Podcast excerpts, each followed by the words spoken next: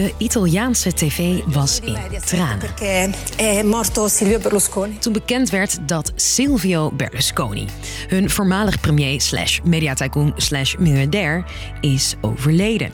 Veel Italianen zagen hem als held, als ras-Italiaan, charmeur, voetbalgoeroe, redder van het land. Viva l'Italia, viva Berlusconi.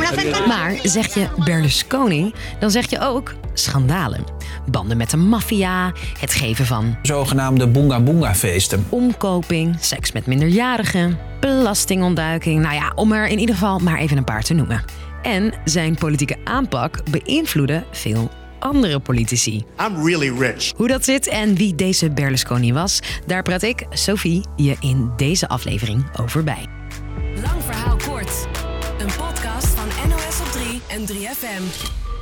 Over de doden niks dan goeds op de Italiaanse tv deze week. Oggi Ze raken er in Italië niet over uitgepraat. Maar er is een kans dat jij hem niet helemaal scherp op de radar hebt. Want zijn hoogtijdagen waren toch wel in de 90s en de zeros. Berlusconi's carrière begint eind jaren 60.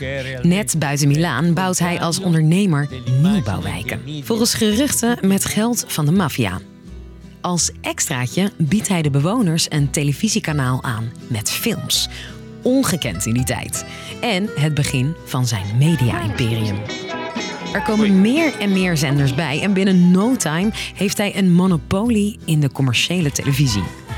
In Nederland was hij eind jaren 80 vooral bekend als eigenaar van voetbalclub AC Milan, waarmee hij grote spelers als Marco van Basten, Ruud Gullit en Frank Rijkaard naar de club lokte. Dankzij de miljoenen van Berlusconi haalt AC Milan de wereldtop.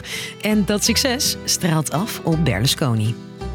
Begin jaren 90 komt zijn imperium in gevaar als linkse politici hem met een nieuwe wet willen dwingen een deel van zijn zenders te verkopen.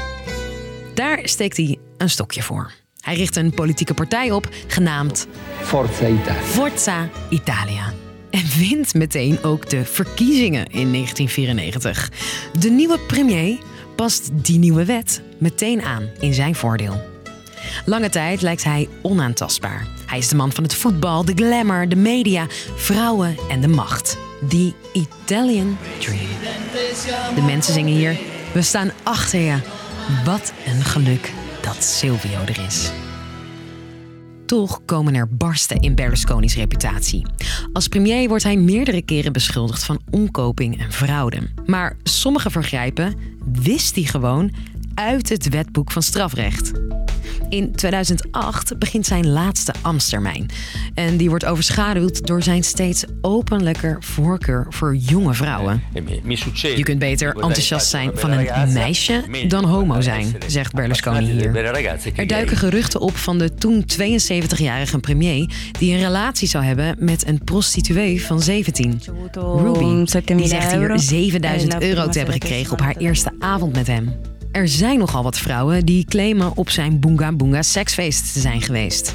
Berlusconi's reactie? Hij zegt: Er lopen zoveel mooie meisjes rond. Ik ben geen heilige en dat begrijpen jullie ook. Eind 2010 krijgt hij een claim aan zijn broek voor machtsmisbruik. Hij zou Ruby, die inmiddels het boevenpad op was en vast zat voor diefstal, hebben geprobeerd vrij te krijgen. Dat gaat toch ook sommige Italianen wat te ver. De roep om zijn aftreden groeit. Samen met het aantal rechtszaken tegen hem. Voor fraude, het aanzetten tot prostitutie, belastingontduiking.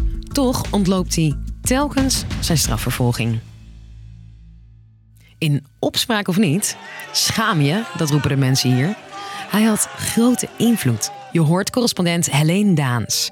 Volgens haar is Berlusconi de eerste Italiaanse politicus die het had over rechtse en linkse politiek. Zij zei met links krijg je communisten, een categorie waar Italianen tot op de dag vandaag heel bang voor zijn. Hij zei je moet op mij stemmen om echt vrij te zijn, om geen belastingen te betalen. En dat is ook iets wat tot op de dag van vandaag nog doorleeft. Heel veel Italianen stemmen rechts omdat ze niet op links willen stemmen door Berlusconi. Zijn invloed gaat veel verder dan alleen zijn eigen land. Hoewel zijn collega-leiders in Europa hem niet altijd serieus namen.